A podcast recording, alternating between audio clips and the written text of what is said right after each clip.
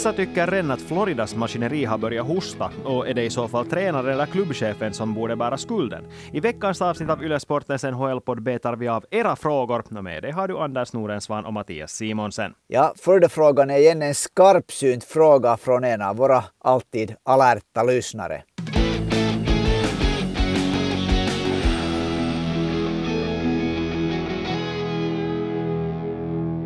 Ja, vissa veckor har vi ju lyxen av att inte egentligen behöva fundera på någonting vad vi skulle vilja prata om, för att det kommer in så många frågor och förslag på samtalsämnen av alla er som lyssnar, så att det bara är att beta av dem. Och det tyckte jag, eller vi tyckte tillsammans med Anders, att det är någonting som vi kan göra den här veckan. För nu har vi fått en massa fina frågor och vi börjar med den här som vi lite inledde med, alltså om Florida Panthers.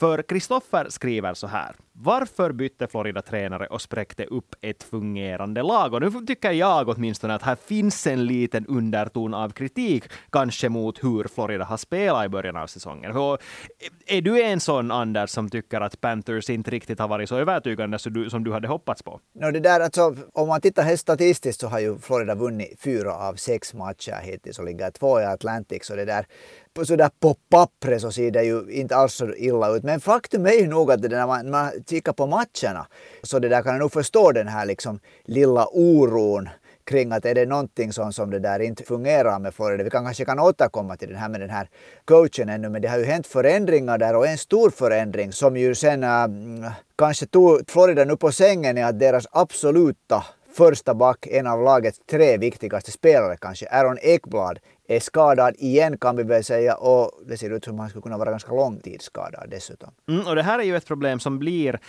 mer signifikant i och med att de trädar bort Mackenzie Weegar under sommaren. Han var ju en del av den här väldigt uppmärksammade träden som skickade Jonathan Huberdeau framförallt till Calgary och hämtade Matthew Tuchuk till Florida. Och då var det ganska mycket fokus på just Tuchuk och Huberdeau eh, eftersom kanske helt logiskt i och med att många kanske kunde tycka att Mackenzie Weegar inte är en oersättlig back och där är jag lite benägen att hålla med. Jag tycker att han är en sån spelare som...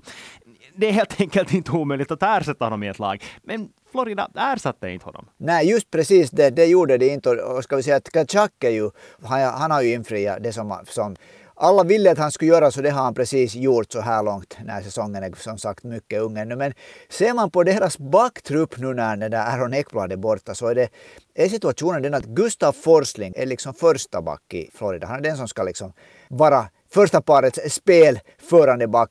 Sen har vi Brandon Montour, Radko Gudas, Josh Mahura, Matt Kirstad, säkert två namn som kanske inte alla känner till. Och sen en bekanting, Mark Stahl, som väl börjar vara i pensionsåldern. Så att backtruppen är nog någonting som det där Bill Sito som GM från Florida nog tycker jag kan få kritik för. Ja, men här samtidigt ska vi också minnas det att säsongen är ung och så som det ser ut just nu så kommer Florida åtminstone om de fortsätter vinna matcher i samma takt som de har gjort hittills, att spela slutspel också på våren. Och det är det som är det här stora målet. Och fram till att transferfönstret stängs så kan de ju göra rockader för att hämta in andra spelare som kan bidra. Till exempel just med spel, offensivt spel från backpositionen som jag tror att de flesta som följer med Florida faktiskt tycker att de borde ha, för Brandon Montour är nog inte en spelare som ska spela powerplay, det ska vi säga här och nu. Men då kommer vi kanske till nyckelfrågan här, det som Kristoffer också ville veta. Varför? Varför gjorde man så här att man för det första bytte tränare och för det andra då spelka upp det här laget och då skicka bort en viktig back och en viktig ytter? No, nu kommer jag lite tillbaka till det där du sa att huvudmålet är att, att komma till slutspel. Men jag skulle vilja påstå att huvudmålet för Florida inte är att komma till slutspel. Förra säsongen tog de sig till slutspel liksom med, i en paradmarsch och det blev flopp där. Och då var det ju nog eh, många som jag tycker åtminstone befog som kritiserar Florida för att inte vara taktiskt färdigt för att spela slutspelshockey. Och när det finns en gubbe som står bakom bänken som har ansvaret för hur lagets taktik och hur, laget liksom, hur lagets spel ser ut och den han hette Andrew Brunetto, han var väldigt färsk som coach han verkar ganska hjälplös i matchserien mot Tampa då när Florida åkte ut. Så ska det ännu sägas också att Florida kom vidare med ett nödrop från första omgången med Washington. Så där tror jag nog att det såg inte tillräckligt bra ut i slutspelet med den truppen som Florida hade för att man inte skulle byta coach. Ja, och därför är det också logiskt att valet föll på just Paul Maurice i och med att han är en kille som har tagit ett lag i NHL till slutspel väldigt många gånger. Men sen kan man ju nog ifrågasätta om han har äh, erfarenhet av att vinna den taktiska kampen. För, för om man tittar på hans facit så det är ju inte...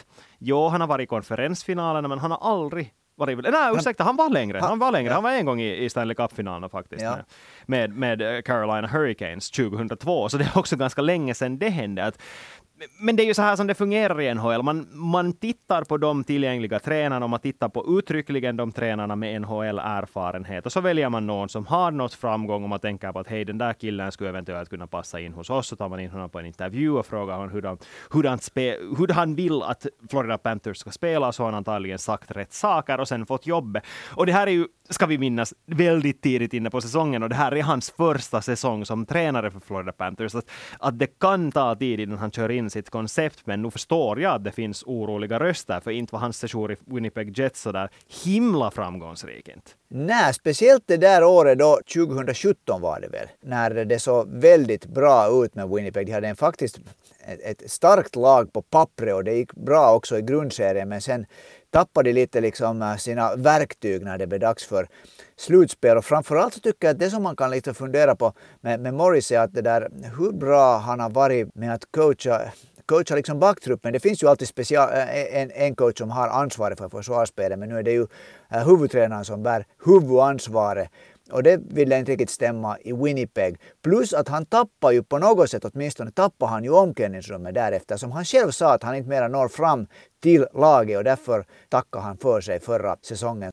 Alltså jag tror, vi var ju många som väntade att det var Barry Trotz som skulle ta över Florida och han skulle säkert ha varit exakt den medicinen som de skulle ha behövt. Men han, av en eller annan orsak så är han inte nu coach här, den här säsongen. Så det där, jo, jag tycker precis som du att Paul Morris, han har erfarenheten, han är grymt erfaren, men han har nog mycket att bevisa nu i Florida. Mm, det som talar för, när, just när du sa att han tappade omklädningsrummet, så i Winnipeg fick han ju själv bygga upp omklädningsrummet. Han fick själv välja vem som skulle vara ledare. Nu kommer han ändå till ett lag där det finns väldigt klara och tydliga ledare. Det finns en Alexander Barkov som är lagkapten. Det finns en Aaron Ekblad när han inte är skadad som också är en viktig kille i omklädningsrummet. Men så finns det också redan lite den här tendensen att kanske ge sådana killar som är bra i omklädningsrummet lite väl mycket makt eller lite väl mycket ansvar. Och då är det kanske Radko Gudas som jag åtminstone tänker på. Jag misstänker att du håller med. Alltså Radko Gudas är en spelare som det där jag inte riktigt förstår hur han kan ha så stort, så stort förtroende i ett NHL-lag som ska det där satsa på att vinna Stanley Cup. För det såg vi nog med all tydlighet i, i slutspelet förra säsongen att Radko Kudas räckte inte till. Det skulle nog behövas en annan typ av back med, med det ansvar. Han, han spelar i andra eller ibland till och med i första paret, för det mesta i andra paret.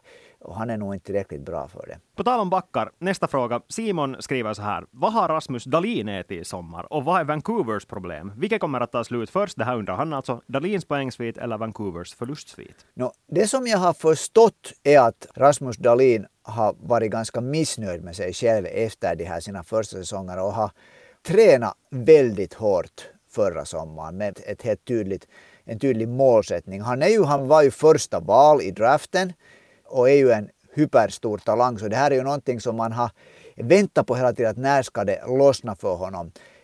Fortfarande så när det gäller Buffalo speciellt så måste vi komma ihåg att en bra för start på säsongen i Buffalo betyder inte nödvändigtvis att det ser bra mera ut vid jul, jultid. Men Rasmus Dahlin offensivt åtminstone har han levererat väldigt starkt så här långt. Eh, Defensiven är jag inte ännu heller så där hundraprocentigt imponerad av. Nej, jag tror att det som var den viktigaste tändvätskan säkert för honom personligen var ju det att de tog Owen Power med det första valet. Jo, det var ett konsensusval om att han var den bästa spelaren i draften och i NHL går man helt enkelt enligt att oftast att man väljer den bästa tillgängliga spelaren.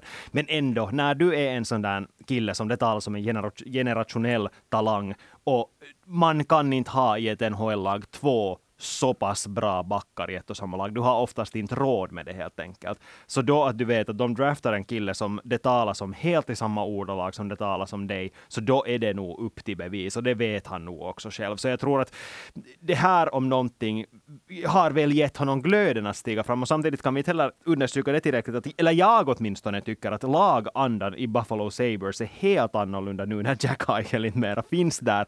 Att det är en lite annorlunda sån där att vi, vi spelar som ett ett kollektiv och det finns kanske utrymme för en Rasmus Dahlin att stiga fram på ett annat sätt. Jo, det, det är sant. Det är ju hemskt många nu som, har, som lyfter och hypar Buffalo väldigt mycket. Tills vidare har de inte ännu haft motgångar den här säsongen. Och där, är nog, där kommer nog också den här årgången, det här laget, Buffalo-laget, kommer nog att mätas sen när det, när det börjar gå lite trögt, när det kommer förluster som man kanske inte, som känns orättvisa. Och det blir de här missarna som det alltid blir.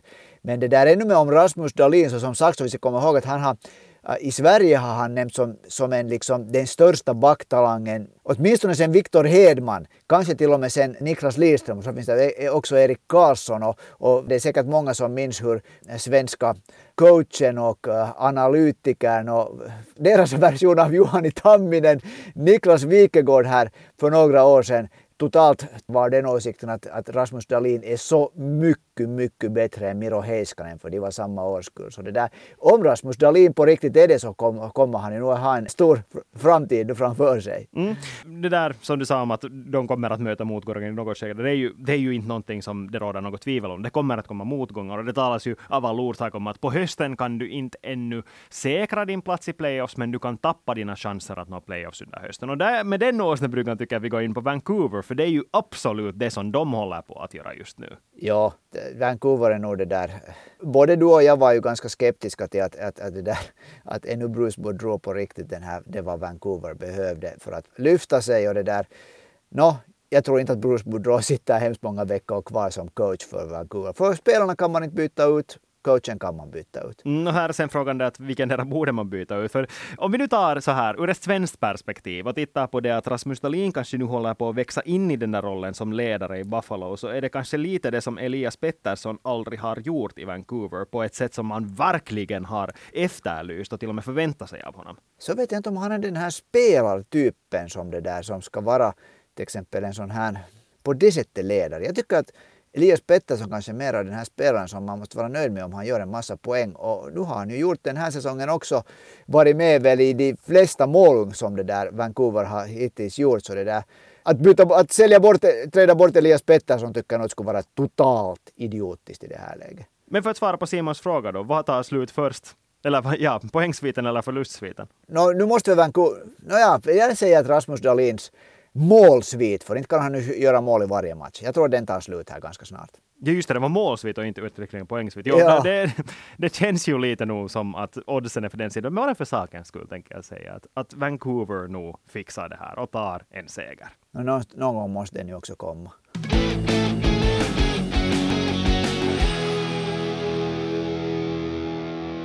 Vi går vidare till målvakter, för Sebastian skriver så här om vi, eller han undrar om vi är lika överraskade av det, den initiella, den första målvaktsstatistiken som han är. För att han lyfter fram att namn som Sjöstorkin, Saros och Darcy Kemper, alla har sett mänskliga ut så här långt. Och visst är det ju så att det är lite, ska vi säga, otippade namn som finns högst upp på till exempel räddningsprocentstatistiken. Att om vi tittar på de som har spelat fler än två matcher, så Jake Odinger, etta, 95,9, Carter Hart, 94,9, Ville Husso har också bra, 93,9, men inte riktigt de här riktigt stora etablerade namnen. Någon har sagt att det finns inga dåliga målvakter i NHL, att alla målvakter som kommer till NHL är toppmålvakter.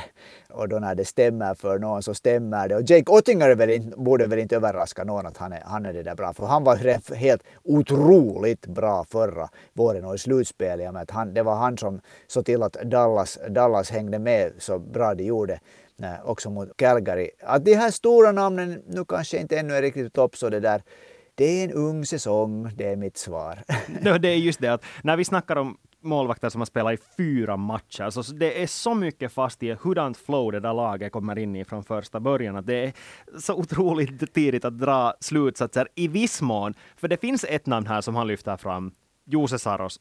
Och där finns det ju nog frågetecken. Inte kring honom, skulle jag säga, men mer kring hur Nashville försvarar som lag. Jo, det håller jag 100% med. Det har, det har sett riktigt dåligt ut nu. Det såg ut sådär som för ett par år sedan när motståndarna har ibland två spelare som står fria framför målet och får en just ta returen också. Det har inte åtminstone ett par gånger.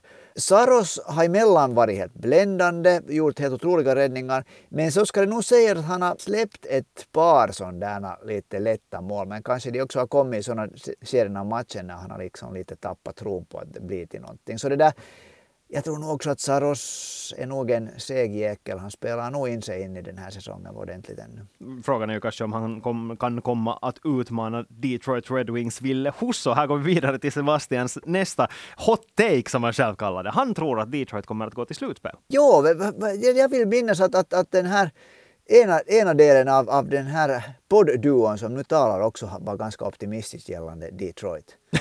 ja, du, du, tycker att det finns mycket som talar för deras chanser alltså? Alltså Detroit tycker jag faktiskt att det är ett lag som på många sätt ser ganska bra ut den här säsongen. De skaffade in, de gjorde bra förvärv under sommaren. De fick just Ville Husso till målet.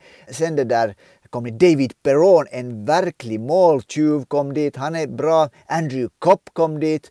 För att inte för att också nämna Olli Määttä, jag tycker de har gjort ett sån här liksom ganska fina precisionskap under sommaren eller förvärv och så har de en stomme med ung talang så Detroit är nog på kommande, om de gör det redan den här säsongen så är det fullt möjligt. Jag skulle inte säga det är omöjligt att de tar sig till slutspel. Jag skulle nog säga att det är ganska omöjligt att de tar sig till slutspel, för den östra konferensen är så otroligt bra. Så det, eller ska vi säga så här att det finns en alldeles otrolig bredd i den östra konferensen. Vi snackar om att för att bara ta Atlantic så där har vi lag som Florida, Tampa Bay, Toronto. Det här är alla tre lag som oavsett hur Torontos skadeläge och hur deras målvaktsläge ser ut just så de kommer att sluta i topp tre. Det tror jag nog, det vågar jag nästan hugga i sten. Så det handlar för Detroits del om att ta en wildcard-biljett. Och då tävlar de i praktiken i Atlantic så som det ser ut just nu, främst mot Ottawa och Buffalo. Till och med också ja, mot Boston om de håller i sig på samma sätt som de har gjort nu mer om det lite senare. Men så har vi så också de här lagen från Metropolitan Division, där efter topptrion där, där vi ska säga att förhandsfavoriterna väl ändå är Carolina, Rangers och Pittsburgh. Sen efter dem hittar vi också unga lag som New Jersey, Philadelphia som har ett otroligt galet bra flyt just nu och Washington som har en tendens att alltid gå till slutspel. Så jag skulle nog säga att nej, Detroit kommer nog dessvärre inte att spela slutspel på våren. så, här, så här tänker jag. Jag skrev faktiskt om det här på sportens eh, sida en sån här införartikel om när säsongen börjar. Och då det där hade jag, min tanke var att det är helt fullt möjligt att det går fem lag från Atlantic till slutspel. Det är, fullt det, det här, möjligt. det är fullt möjligt. Och där tror jag Detroit, alltså jag tror att Florida, Tampa Bay, Toronto och kanske nu också då Boston, jag har varit lite skeptisk gällande Boston, att de här fyra lagen går vidare. Och sen finns den där femteplatsen där och där av Detroit, Ottawa, Buffalo, så om jag skulle nu sätta mina pengar på ett lag, vilket lag som är bäst när april är här, så, så skulle jag påstå att det är Detroit, men det där, det får vi veta. Ja, jag skulle påstå att det är Ottawa som har eh, eh, de är ett steg före i den här ombyggnadsprocessen. De är ett steg före Detroit just nu. Jag tror bara att de är mer redo att ta det. Och jag tror igen att, att Detroit har sen den här, just den här blandningen av ungdom och rutin tycker jag att det är bättre hos Detroit. Men det, det fina är Mattias att vi kommer att få svar på det här. yep. Buffalo tror jag, Buffalo är jag skeptisk. Jag måste säga att det, det måste hända någonting. Jag, jag måste över, de måste överbevisa den här skep, skepticismen i mig för att, för att jag ska tro att de kan ta sig till slutspel. Och det är helt rimligt. Men hej, Joel undrar vad vi har för åsikter om Bostons säsongstart, för de har ju nog faktiskt varit överraskande bra till och med, trots att de fick både Patrice Bergeron gjorde comeback, eller no, inte comeback, han gjorde inte comeback, David Krejci gjorde comeback och Patrice Bergeron fortsatte minst en säsong till. Men fem segrar på sex matcher är ju nog det är bra, kan vi väl konstatera. Verkligen. Alltså helt superstart av Boston och det, det, under nya coachen Jim Montgomery. Uh, det har sett bra ut. Och just man tänker att, att då är Brad Marchand borta, Charlie McAvoy är borta. Så nu har det på något sätt gått just på det här sättet att de, de som inte är borta, så de har, de har liksom tagit ansvar. Och om, om, man, om man kollar på Bostons interna poängliga så den ser imponerande ut. Så David Pasternak är ju glödhet. Det, det, är ju ingen överraskning att han har gjort, på, han har gjort det där 4 plus 6 på sex matcher. Men sen två, killen som var i Tjeckien förra säsongen, David, David Krejci. Sex matcher, sju poäng. Och Bergeron, ingen överraskning, en poäng per match, det har han alltid. Men sen ser det äntligen ut som Taylor Hall som har varit så där. Det finns stora förväntningar på att den här forna Hart Trophy-vinnaren ännu kan nå toppen. Han har varit jättebra. Tre mål på sex matcher. Och, och det, liksom, det finns en bredd. Tian ännu. Nick Foligno har gjort fyra poäng på sex matcher. Så det finns liksom nu... Jag är ordentligt överraskad över hur bra Boston ser ut. Mm, är du nu redo att skriva in dem som en av de här fyra som garanterat går vidare från Atlantic? Alltså, jag måste nog säga för att Boston är, tycker jag inte det här laget som vet, plötsligt liksom tappar sugen.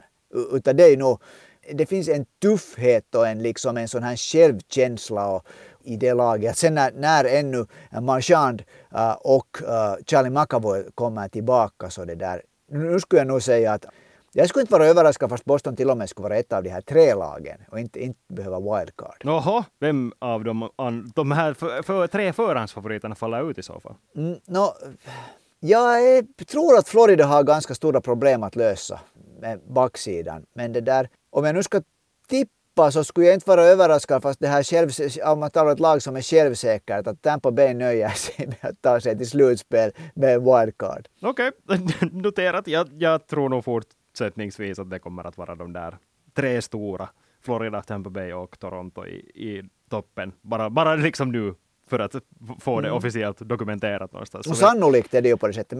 Stick ut lite, måste man nu, lite måste man nu spekulera. Jo, jo, jo, jo.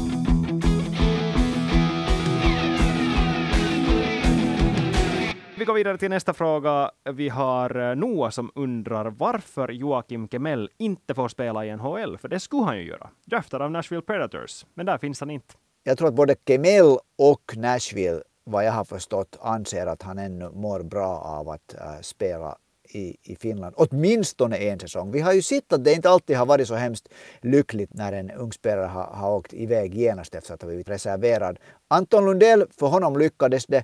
Jesse Puljujärvi men hade det nu. Men nu var ju Många... Lundell var ju nog en säsong i Hifki före han får över. Ja, men det har du ju rätt i. Just det. Jo, jo, jo. Han spelade den säsongen. Så det där, och han mådde ju nog jättebra av att spela den säsongen till slut. Så nu är det, nu är det väl det där, tror jag, en sån konsensus över att, att Kemel måste bli liksom lite mognare före han åker. Ja, alltså, jag tror att det råder konsensus om alla spelare som inte draftade i topp fem just nu om att de behöver en säsong någonstans före de är mogna att spela i NHL. Och inte ens de som är draftade i topp fem kommer automatiskt till NHL längre. Det, det fanns kanske vissa år som det just verkar som så i Finland i och med att det var så många som draftades så tidigt att vi talar om sådana som just Patrik Laine, Jesse Puljujärvi, att de var sådana som åkte över genast, men de var också draftade så pass högt av den orsaken att de var redo. Man ansåg att de var redo att fara. Men med facit... Puljujärvi var ju sen inte redo. Nej, exakt, det, det är ju det. Men med facit på hand så skulle framförallt Jesse Puljujärvi, säkert också Kaapo Kakko, ha mått jättebra av att vara minst ja. en säsong till i Finland.